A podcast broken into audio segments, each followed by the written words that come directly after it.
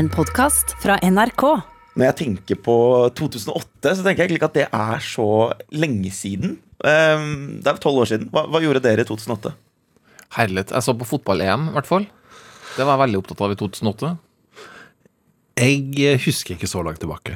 Ok, altså For din del så virker det lenge siden. Ja, det gjør faktisk Men 2008 eh, virker kortere eh, siden i dag enn 1996 gjorde i 2008. Interessant. Så du skjønner hva jeg mener? Ja, jeg skjønner det. Det, det, det gir mening. Men eh, det føltes i hvert fall lenge siden i en eh, dokumentarserie jeg så denne uka, hvor de rett og slett på en måte må forklare hva for en tid 2008 er. Ja. Og da, da skjønner man litt hvor langt til- tilbake det er. Kan du høre et uh, klipp her? Jo da, kundene kommer fortfarande med sine inn- og utbetalinger til posten. Även om betalningarna over disk numera sköts av Svensk Kassaservice som er et dotterbolag til posten. Vi är väl inne i en era där korten kommer mer och mer och kontanthanteringen minskar. Men Svensk kassaservice är ju sitt esse då. De i alla fall ett par år till där. Det skulle fylles på i bankomater og det skulle fylles på i alle kasser Og, och, och det skulle veksles til høyre og venstre, Så det var veldig mye kontanter. Ja, så var det da, i 2008. Jo da. Vi tar resten av podkasten på, på svensk. Kan vi. Eh, det, men det virker liksom som en evighetssiden med en gang eh, man hører det på den måten her. Med kontanter og hvordan eh, det opplegget der funka. Og I disse dager så kan det faktisk hende at kontanter forsvinner for evig. Når det ikke brukes nå pga. korona. Ja, er det det sant. som er det endelige endeligste? Det er du som er samfunnsøkonomen her. Ja, det er jo Jeg vil si at vi nå kan erklære seddelen død, ja. Vi skal eh, lenger tilbake enn 2008 også eh, i anbefalingene i dag. Eh, Og lenger fram. Og lenger fram Og- og, tilbake og alt, faktisk. Ja, ja, ja, også og i, Ja. i din Tid er et stikkord. Vi kaster tid i tørketrommelen. Ja. Se hva som skje- skjer. En ordentlig heisatur i tidsmaskinen i denne podkasten her. For da er det både spill eh, og starten eh, der. Eh, gullalderen av eh, dataspillet eh, fra slutten av 70-tallet og, og fram noen tiår.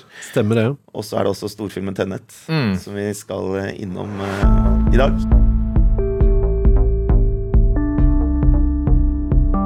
Og Vi i Kulturstripa jobber jo til daglig med et radioprogram som går hver hverdag på NRK P2 fra to til tre. Hvor vi både anbefaler har harde reportasjer og ikke minst gjester som vi intervjuer. Men eh, her i podkasten så samler vi noen av våre beste anbefalinger fra uka som har eh, gått. Og de som skal gi deg disse anbefalingene i dag, det er deg. Torkild Risan, ja. ja.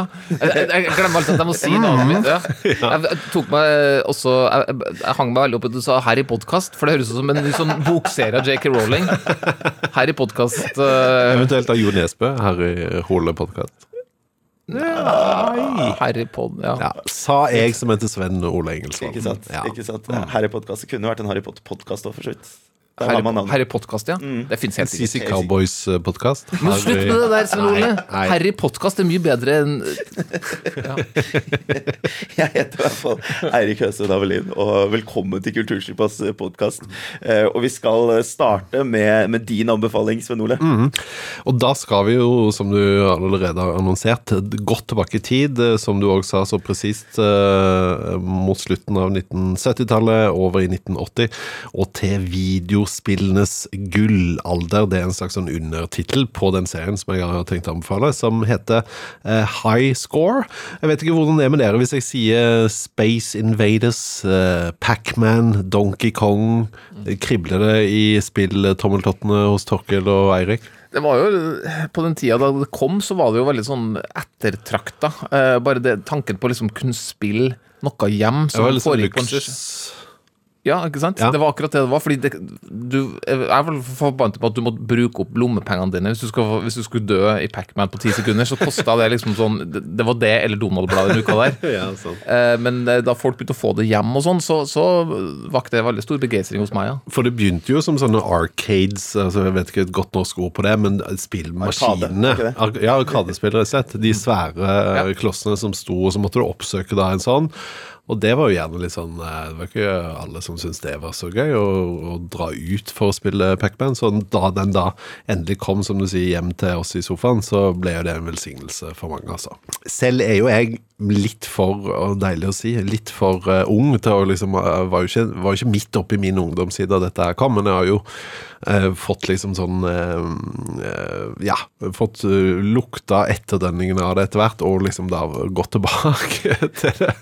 Eh, ikke minst. Og så er det jo sånn, når det er barn og plutselig da kan sitte hjemme og spille et uh, dataspill, så reflekterer du jo no, ikke noe sånn særlig over ok, hvordan har dette, spillet blitt lagd? Hvem er det som har funnet ut at den figuren skal se akkurat sånn ut og sånn? Men her er vi da litt inne i kjernen på hva denne high score uh, TV-dokumentaren handler om, nemlig uh, folkene bak, ambisjonene, drømmene de hadde, og du følger da fra starten av han som fant opp det spillet, han som fant opp spillet hvordan de tenkte, og ikke minst da etter hvert Det blir jo en stor industri.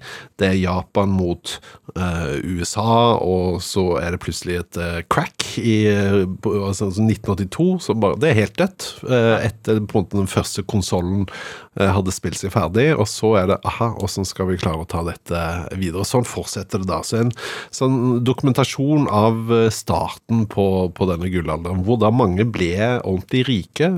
og og, godt bemidla pga. at de da f.eks. droppa ut av eh, college og heller satsa på, på hobbyen sin. Interessant med det der med, med, nostalgien i det også. For dette her er jo spill som kom ut lenge før jeg ble født. Men eh, det er nesten som om man kan på en måte bli smitta av nostalgi òg. For det er, noe, det er bare noe supernostalgisk. Det er noe uskyldig over det, ikke sant? Ja, ja. Og det, det har man bare fått høre og fått en følelse av. Så jeg kjenner på nesten en nostalgi med Space Invaders selv, selv om jeg aldri har liksom spilt det. Det er altså, noe sånn som ligger bare rundt det alt av sånn spilling i starten, for det, det, så, det virka så komplisert. For husker ja. det, Du kanskje husker det, Senoli, det sånn Du måtte spole på sånn kassett ja, ja, å, og koble til en sånn slags rar kassettspiller som jeg mm. verken før eller siden har eh, sett. Eh, som sto da kobla inn i en eh, sånn stor maskin, og så, var liksom sånn, så måtte du spole akkurat til det stedet, og så måtte du skrive 'run' og 'red'. Altså, hele den skjermen der. DOS. Oh, ja. Ja, Nei, kanskje ikke DOS. DOS er noe annet igjen.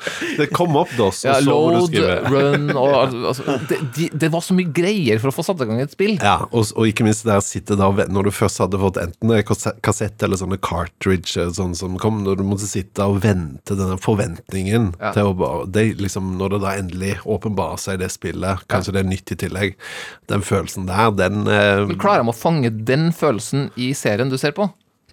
Eh, ja, sånn til dels, tenker jeg. For det er jo en sånn voldsom eh, fest og, og, og dykk i, i, alle disse spillene, og masse arkivklipp. Ja. Og, så du får musikken, du får bildene, du får ja, som jeg sa, altså arkivklipp fra, eh, fra folk som sitter og ser spill, og da er jo ikke veien lang til å tenke at da, der har jo jeg, akkurat der har jeg vært en gang i tiden. Eh, så jeg vil si delvis så får du den, og det er det som er kanskje kanskje denne dokumentaren sin styrke òg, for det, det, er ikke noe sånn eh, det, det, sier ikke noe sånn om ja, hva, hva er grunnen til at dette kom da? Hva sier det om den tiden? Hva gjorde det med oss som mennesker? Hva, noe, hva skjedde med de som spilte for mye? Og så hva sier det? Altså, det er ikke noe sånn, det er bare en Man bare sånn går gjennom uh, på en måte tidslinjen, men med veldig interessante uh, og artige karakterer. Det er for eksempel Du møter en som har lagd tidens verste spill, som heter ET. Han sier det selv, da, så da er det greit. Og så er det ikke minst òg altså, Det var jo det kuleste styrket yrke eh, man kunne ha på den tiden. Det fins kanskje fortsatt, eh, men at du har rett og slett det å spille data eh, som jobb, og ikke minst gi tips og råd til andre som spiller eh, videospill. Eh, jeg har tatt med et lite klipp her fra The High Score, hvor det er en som var spillrådgiver, som forteller hvordan det føltes å ha den jobben midt i denne gullalderen. When I found out that I could play games for a living, I was like, I will do whatever it takes. I probably would have shaved my mullet if they asked me. It was like 1989, so I had business on the top and the party in the back, or the neck blanket, um, skunk tail. I felt like a rock star most of the time that I worked there. We had the satin gameplay counselor jackets. The counselors would wear them around at lunchtime in the mall, and kids would just be like, gameplay counselors. people would be like, You have the best job in the world. And every time they say that, you're like, You know what? I do. I have an awesome job. Like, who gets to play games for a living? Ja, skulle gjerne hatt uh, det yrket der. Det fins vel for så vidt fortsatt, uh, Torkel? Gjør det ikke det? Jo, folk, selvfølgelig finnes det folk som tester spill. Men nå også i enda større grad, da, med de som sitter på YouTube og spiller gjennom. Det er jo Ja. en millionindustri bare der. Det er mange som lever av det. Men det der med å ringe, mengder folk som jobber med det her. Ok, men det der med å ringe liksom en sånn uh, 815-nummer og sånn Du er nå så litt fast på Nei, jeg- Fantasy 5 her. Det er ferdig nå. Det er ferdig. den typen eh, rådgivning er over. Ja. Ja. Da eh, fikk vi lagt den død. ja, det var godt. Men må si, altså, du sa det der, fikk du den følelsen eh, tilbake i, i, løpet av og da ha sett denne serien. Og kanskje det eh, sterkeste øyeblikket for meg var da de plutselig kom til For det går jo innom sånn eh, spillfigurer og serier som du kjenner til, og så kom Tetris. Eh, hvor det ble da historien til Tetris og en som ble eh, sånn eh, national champion i USA på Tetris. og det husker jeg jo, altså til og med mine foreldre ble hekta på Tetris. Så jeg husker at jeg rigga opp på et rom på en sånn Commodore 64 eller en Amiga 500, husker ikke hvor langt vi var kommet da. Og de satt, altså hvis jeg da kom hjem fra skolen og ville ha mat på en måte, og tenkte at nå var det middag, men så hørte jeg noen sånne lyder oppe fra arbeidsrommet, som vi kalte det. Det var alt annet enn arbeid som fant sted på det rommet. Det var enten TV-titting eller nå òg dataspilling, for der satt de og spilte Tetris og bytta på konsollen der. Det er veldig sånn godt minne eh, jeg har. Så da blir jeg ekstra varm om hjertet når de, da de snakker om eh, Tetris her. Men eh, mye gøy altså i, i denne high score på, som ligger på, på Netflix. Høres også ut på, på klippet der som om det er mye spillmusikk, og at det går ganske raskt framover der. Eh, har vært Ja, innom, Tetris, vært innom Tetris-perioden selv. Jeg husker jeg ikke klarte å sove fordi jeg plasserte med en gang jeg lukka øynene, så plasserte Ja, jeg sånne brikker. Fordi Dette jeg var så ekstremt Ja. inni det. Så det, akkurat den har jeg faktisk også med meg. Eh, high score på Netflix eh, der altså. Eh, Torkil? Mm, jeg skal eh, anbefale, eh, og det er, i dag så er det litt vanskelig å si det ordet, eh, fordi eh, jeg skal anbefale filmen Tenet, eh, den storfilmen som eh, stjerneregissør, en av mine favorittregissører, en av tidenes beste regissører, våger jeg påstå, Ja. Christopher Nolan. det så langt? Sin nye stor... Ja, eh, vil jeg si. Ja. Eh, han, er, er- han er med i samtalen, i hvert fall, Ja. når du skal lande den beste. Ja, det, det føles sånn unisont. Alle er enige om det. Eh, liksom, at Nei, det er subjektivt fra min side, da. ja, ja, I hvert fall de siste 20 åra er det Ja, få som kan, kan konkurrere med han. Det er jeg helt enig i. Ja. Kubrick, Nolan altså Den lista kan du sette opp uh, sjøl. men la oss i hvert fall for min del, så er det når han kommer med en ny film, så er det såpass stor anledning at eh, det i seg sjøl er grunn nok for meg til å gå på kino. Jeg vil tro at det er mange andre som, som har den samme følelsen. Eh, så vil jeg jo si ganske tidlig her at jeg syns Tenet på mange måter er en svak film. Ja. Jeg syns den mangler helt sånne åpenbare ting, som, sånn som at jeg blir ikke eh, glad nok i figurene jeg ser. Jeg bryr meg ikke så mye om hvordan Jeg skjønner ikke helt hvorfor den personen gjør ofrer så mye for å hjelpe den personen. Sånn helt sånn enkle ting. Men det er jo fordi eh, det er en aldeles spektakulær film, og jeg tror Christopher Nolan bryr seg mest om vitenskapen, teorien som ligger i bånn her. Eh, Konseptet, rett og slett. Konseptet, helt sikkert. Um, og, men, og actionscenene, det filmatiske, scenografien. Alt er helt fantastisk å se på. Så um, um, det, det er en sånn type film det ikke ville ha gitt noe mening å, å spilt uh, yatzy og gitt en, et, et terningkast, fordi et, tre, fire, liksom, hva betyr det? Det Det betyr må ingenting. forklares. Uh, Jeg, jeg har veldig behov for det, hvis jeg skulle ha sagt det. Og det men sånn, er- der har du jo meg. Um, og så er det liksom, hva handler filmen her om? Um, han Hovedrolleinnehaveren, John David Washington, han sier bare nei, den det handler om tid. Uh, for meg Enkelt og greit, jeg sagt sånn, nei, Den handler om å redde verden for enhver pris, ville jeg ha sagt. Hvis jeg skulle sagt det med én setning. Um, men jeg, jeg, kan jo, jeg kan jo prøve å være litt mer presis i hva handlinga går i, i hvert fall. Fordi han uh, John David Washington, sønn av Denzel Washington, Mm, din favorittskuespiller favorittskuespiller. det vet alle. Ja. Um, han spiller da eh, eh, personen som bare blir kalt for protagonisten. Han skal da redde verden, eh, fordi verden står i fare for å bli ødelagt av fremtiden. Ja. Eh, eller okay. gjør det enda enklere, da. En mann som lever i nåtiden, en russisk våpenhandler, spilt av nordiren Kenneth Branagh. eh, parentes litt irritert for det. Han gjør da avtaler med noen i framtida som har utvikla en eh, teknologi som gjør det eh, mulig at de kan, og nå må dere følge med, invertere entropien til objekter. Som betyr at de kan bevege seg baklengs i tida, sånn som f.eks. pistolkuler, biler eller mennesker. Hvor forvirra ble dere av det her? Jeg tenker allerede der at hadde jeg sett denne filmen, så hadde jeg tenkt ok, her må jeg bare slutte å lete etter eh, plotthull, og så må vi bare kaste oss på denne, Ja, fordi de plotthullene denne riden og Jeg vet ikke om kose plott... oss. Ja, nettopp. Det Største er du har sett?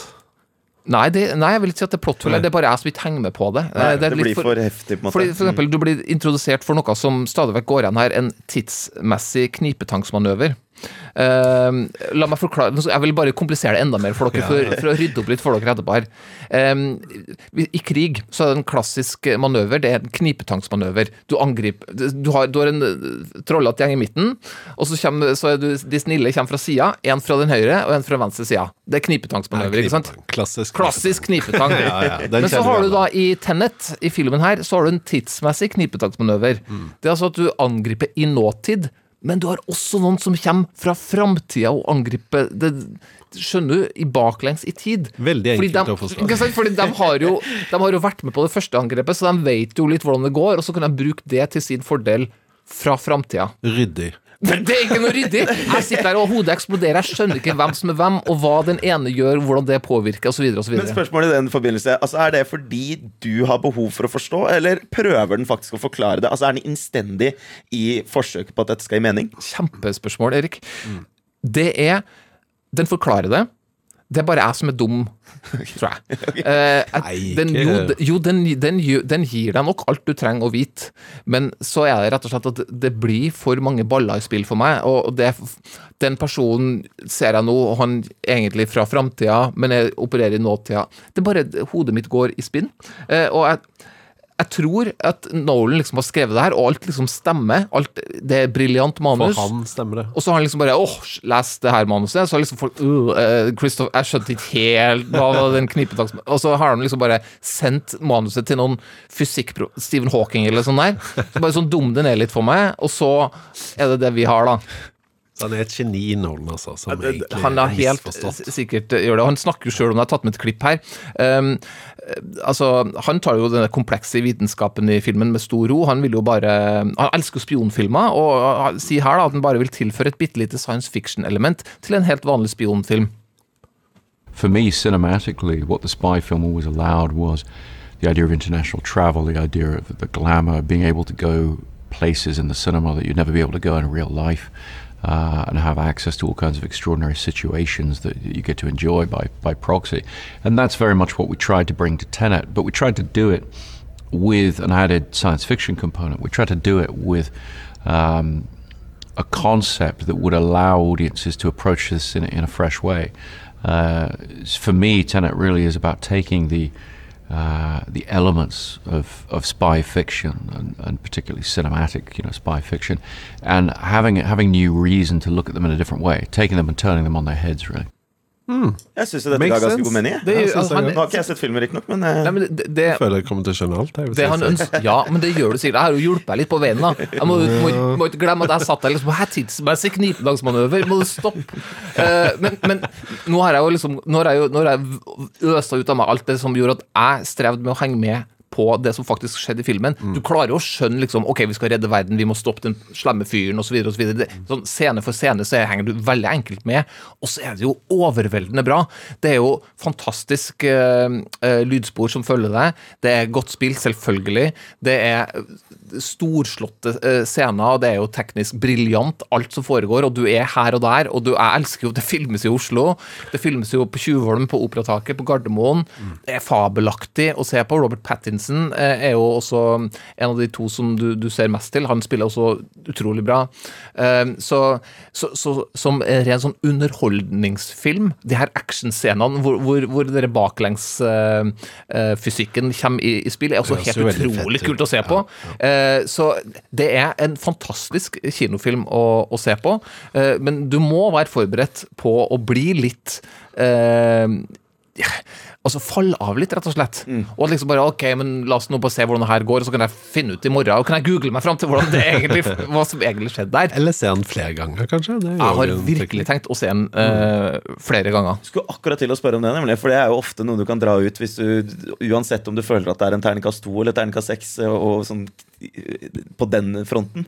Ofte en god målestokk på om en film er interessant, er jo om du vil se den igjen. Og det, Det er- tenker du at du vil. Ja, absolutt. Her er den, den det er mange terningkast no, Jeg liker jo ikke terningkast, men sånn fantastiske filmer jeg ikke gidder å se igjen. Den her er en sånn film som jeg likte likt sånn veldig godt på noen måter, ikke likt på mange måter, som jeg har kjempelyst til å se igjen. Så, det er et godt målestokk. Med meg, Cable Guy med Jim Carrey, terningkast tre, setter han kanskje 30 ganger. Ja, der har du det. Ja. Den har også kinopremiere i dag, eh, altså Tenet. Em, vi skal tilbake i tid, da også til 2008 i min anbefaling Ja, det det, også. ja. Uh, All the way back there. All the way back there. Og vi skal eh, hele veien over til Sverige også. Um, da får man i starten av denne dokumentarserien da, eh, et premiss hvor det er en ransbølge i Sverige. Uh, kontantene flyter, og det snakkes om at uh, en verditransport blir rana omtrent én gang i uka. Sverige er eh, europatoppen når det kommer til eh, antall ran. Og det er i det miljøet her og i på en måte disse omgivelsene at eh, en vennegjeng som blir leda av karakteren René, får nyss i at det skal være 40 millioner i kontanter som kommer inn til postterminalen i Gøteborg. Og at de da bestemmer seg for å rane et ekstremt omfattende planlegging. Denne postterminalen. Og dokumentaren 'Det store postranet' følger rett og slett da denne gjengen fra bakgrunnen deres, eh, hvordan de var som eh, gjennom oppveksten, hvordan de møttes og den biten som man har litt av i starten, til gjennomføring og planlegging, eh, og også i stor grad etterforskning i ettertid. Og den er rett og slett det beste jeg har sett denne uka som har gått. Mm. Også, på oppfordring fra deg, Erik, smugkikka bitte litt på det. Og det du sa som, som jeg syns er et veldig kult element, er jo det at du får eh, belyst litt sånn bakgrunnen deres. Og det er en sånn fritidsklubbfyr Ja. som er veldig mye med der. Og som er kjenner godt til miljøet, og, Ja, men likevel er snill, eller hva man skal kalle det. da Han er på en måte ikke inne i det ransmiljøet, men likevel Men jeg synes han er kjenner sånn mye til dem. da han, han, det, Nå har ikke jeg sett, sett det like grundig som deg, Erik. Så, men han, han, han ser på det der, de personene som skal være med på det her eh, eh, forbrytelsen, nesten med beundring. I hvert fall tolka jeg det sånn i starten der. Og sånn at liksom ah, De har gjort noe galt, men liksom, det er liksom sånn de var greie med meg, på en måte. Det er sånn, han, han, er, han er litt er, Var de litt sånn helter i, i bransjen, det folk her? Eh, han som eh, er René, som er hovedmann der, har i hvert fall det som, som et mål. Eh, han, bli helt? Ja, det hører man også ganske tidlig gjennom eh, etterforskningen. At, eh, at han på en måte ga dem en del lettere tilgang, da. Fordi han hadde behov for å si at han var lederen. Han med en gang på en måte han, De ble snøra litt inn og sånn. Det kom, kommer et lite stykke ut, men jeg tror ikke det er en spoiler. Men det er tydelig at han i hvert fall har et ønske og et behov for å liksom skulle være en sånn herre eh, mesterkriminell, rett og slett. da eh, Og få, få mest mulig kred i, i dette miljøet. Um, men den biten er med nettopp folka man møter, er også veldig veldig fin. Og jeg tror jo også at det at han kan se opp til dem, handler også om at eh, det er ingen som dør. Det er ingen som faktisk blir fysisk skada, selv om selvfølgelig eh, flere har eh, etterdønninger etter et ran. Sy psykiske arr. Ja, kan man og, og det kommer jo inn på at det er noen som ikke kommer tilbake til arbeidslivet. Men, men på, på grunn av det så kan man nettopp litt sånn også dykke ned i noe av det litt sånn mystiske som vi som seere ofte blir litt eh, altså av heistfilmer. Det er jo en grunn til at alle Ja. disse store ransfilmene eh, har eh, mange seere, og at eh, veldig mange bryr seg om det. Og, og den mystikken der, da, er det veldig, veldig god på. Altså, jeg var også eh, Mora til en av de ranerne er også med. Hun er bra figur.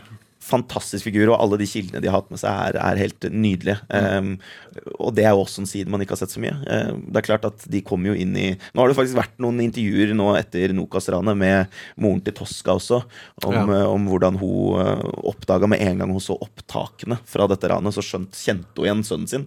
Um, og det er også nesten litt her at det, hun, hun skjønner at noe er annerledes. Det er et eller annet som har endra seg. Nå kan du høre et klipp uh, hvor hun, hun forteller da om uh, hva hun tror eh, var bakgrunnen. Det kan hende at han drømte lite altså den tiden. Alle kvinner kanskje drømte den, den tiden. Om René har sagt at de skal få flere millioner, kanskje han tenkte det. Oh, ok, om jeg hjelper til, kanskje det blir någonting.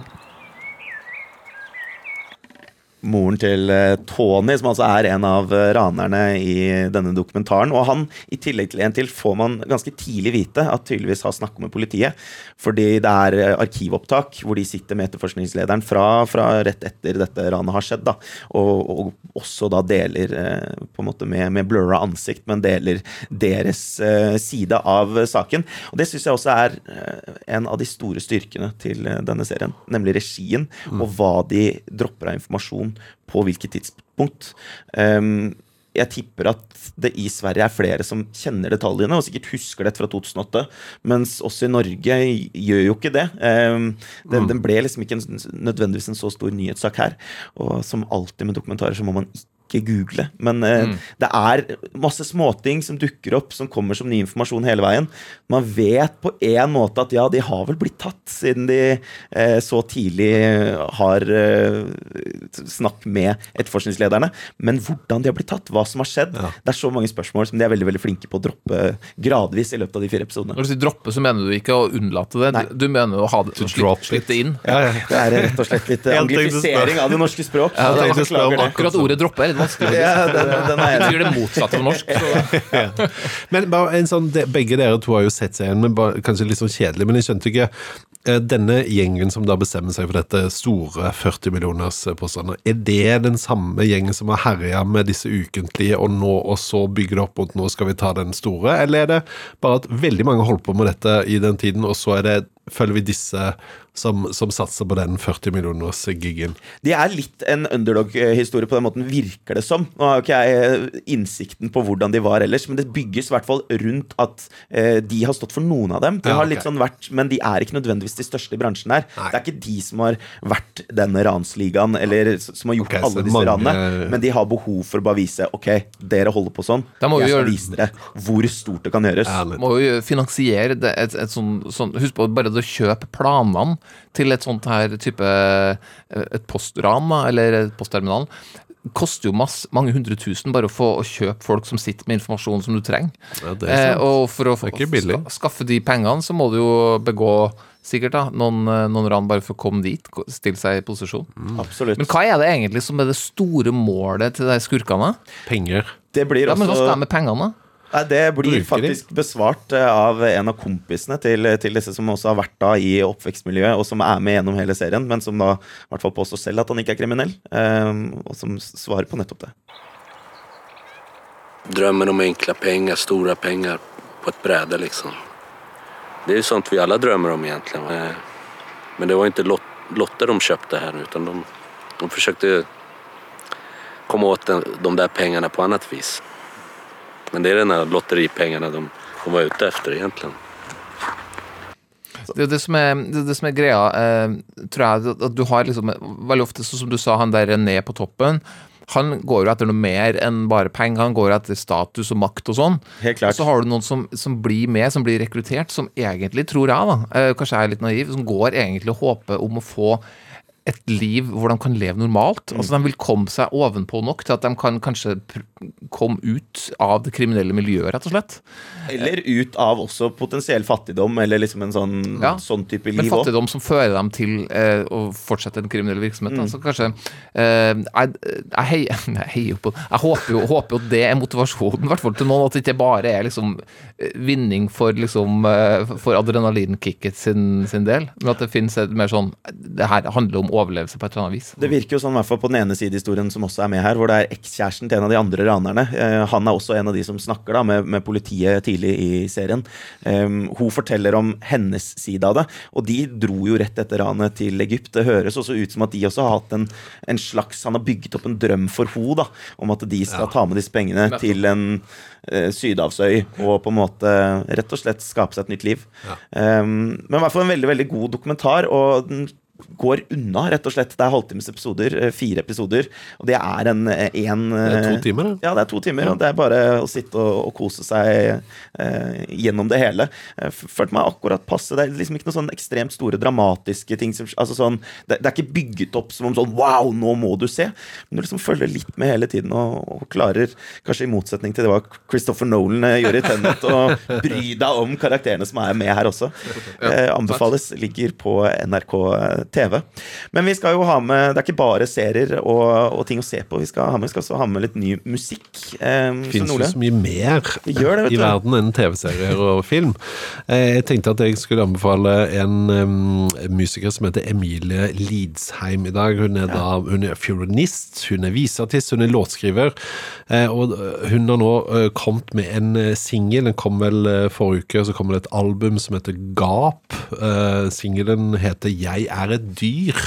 Eh, Og hun er for meg en sånn Veldig sånn autentisk eh, eh, 100 eh, bankende hjerte for liksom visesjangeren og musikken.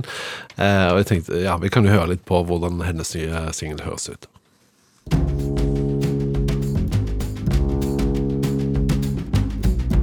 Asfalten er nærmere enn nesa di. For meg er det mye større poesi med sprekkene som strekker seg på gulvet mitt, enn at du skjuler de dype rynkene i trynet ditt.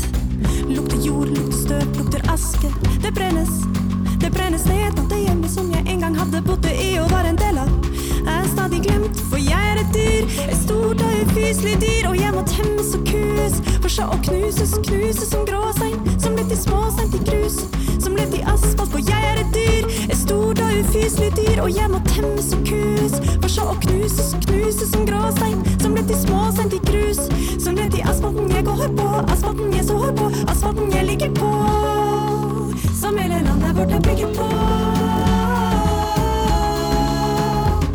Jeg var uforberedt på den eh, ordrike er veldig mange ord. ja, Nesten sånn smårapping der. Litt Lillebjørn Nilsen, uh, syns hun det Helt, helt klart. Flyt. Føler hun har tatt med seg mye av på en måte um, historien innen visse kunsten. Det er element av pop, jazz og folkemusikk. Og så er det altså Hun, hold, hun er òg med når a-ha har turné, eh, på en måte. Reiser rundt okay. i verden med a-ha og spiller eh, fiolin eh, og sånn der. Og High Hunting, High and Low og Take On Me. Og så er det liksom dette som er hennes hoved eh, på en måte ja, Virker det i hvert fall sånn. Så jeg syns det er veldig talentfull og, spennende dame Emilie Heldal Lidsheim.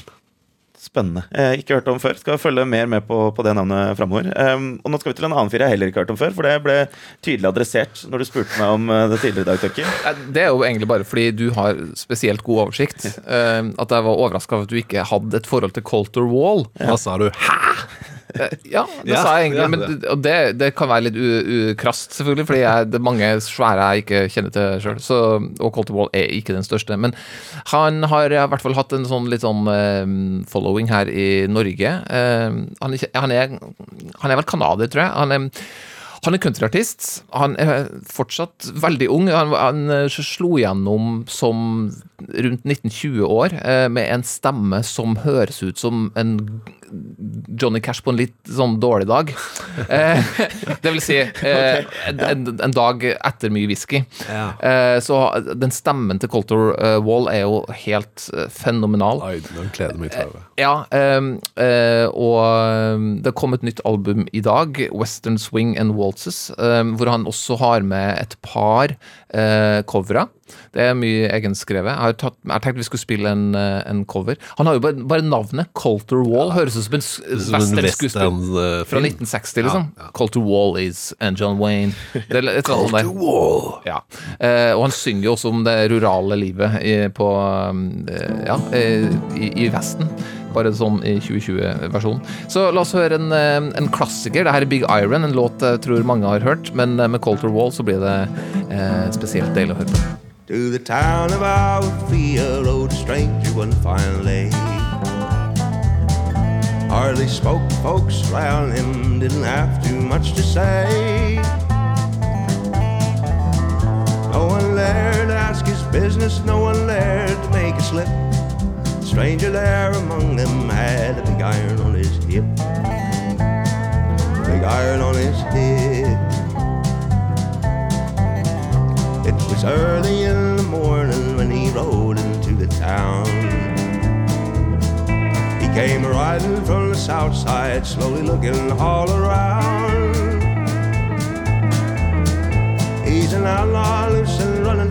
Came to Det der var jo Johnny Cash. Jeg tror du har tatt på feil låt, jeg, Torkel. Mhm. Nei. Ja, det ligner i hvert fall veldig. Altså Nå er han jo blitt eh, 24-25, så liksom stemmer eh, Så nå er han jo Nå er han jo litt eldre, men da han var han er 19, så var det her Det hørtes jo likedan ut da. Og, sånn at det, og han, han, han kunne jo gjort enda mer for å overbevise deg. Så Mm. liksom, Den stemmen der, den, den er som skapt for å synge uh, western songs. Holter Wall. Fint driv. Eh, klassisk tilbake der også. Eh, fra mye annen nymotens country. Eh, ikke så glatt. Nei. Det var litt deilig å høre. Jeg skal til Danmark jeg, med min eh, anbefaling, og til et band fra Århus. Ehm, jeg kan tidvis tenke at mye dansk popmusikk i hvert fall, er litt for glad i 80-tallet. Er, De elsker Justin Timberlake og litt sånn funk-bass i, i liksom eh, i, i uttrykket sitt. Når R&B har kommet, og det skal være sånn glatt uh, R&B. Justin Timberlake er jo 90-tallet. Jo, men eh, han har et, eh, et At han element også har av 80-tallet, noe. nettopp, Ja, sånn, ja. altså sånn at de som blir store i Danmark, har et sånt der stort nikk til nettopp litt den der sånn Mm. glatte, litt sånn store 80-tallsvibben. Ja. Men i dette så kommer det selvfølgelig da mye fra undergrunnen som bryter med nettopp det. Og for noen år siden så var det flere band da som, som dukka opp som jeg fikk veldig veldig sans for. Kanskje aller størst Ice Age, eh, som er punkete, rotete og ekstremt fengende. Men også da dette bandet her, eh, som er ute med ny låt i denne uka her. Eh, Young. Dette er New Fast Song.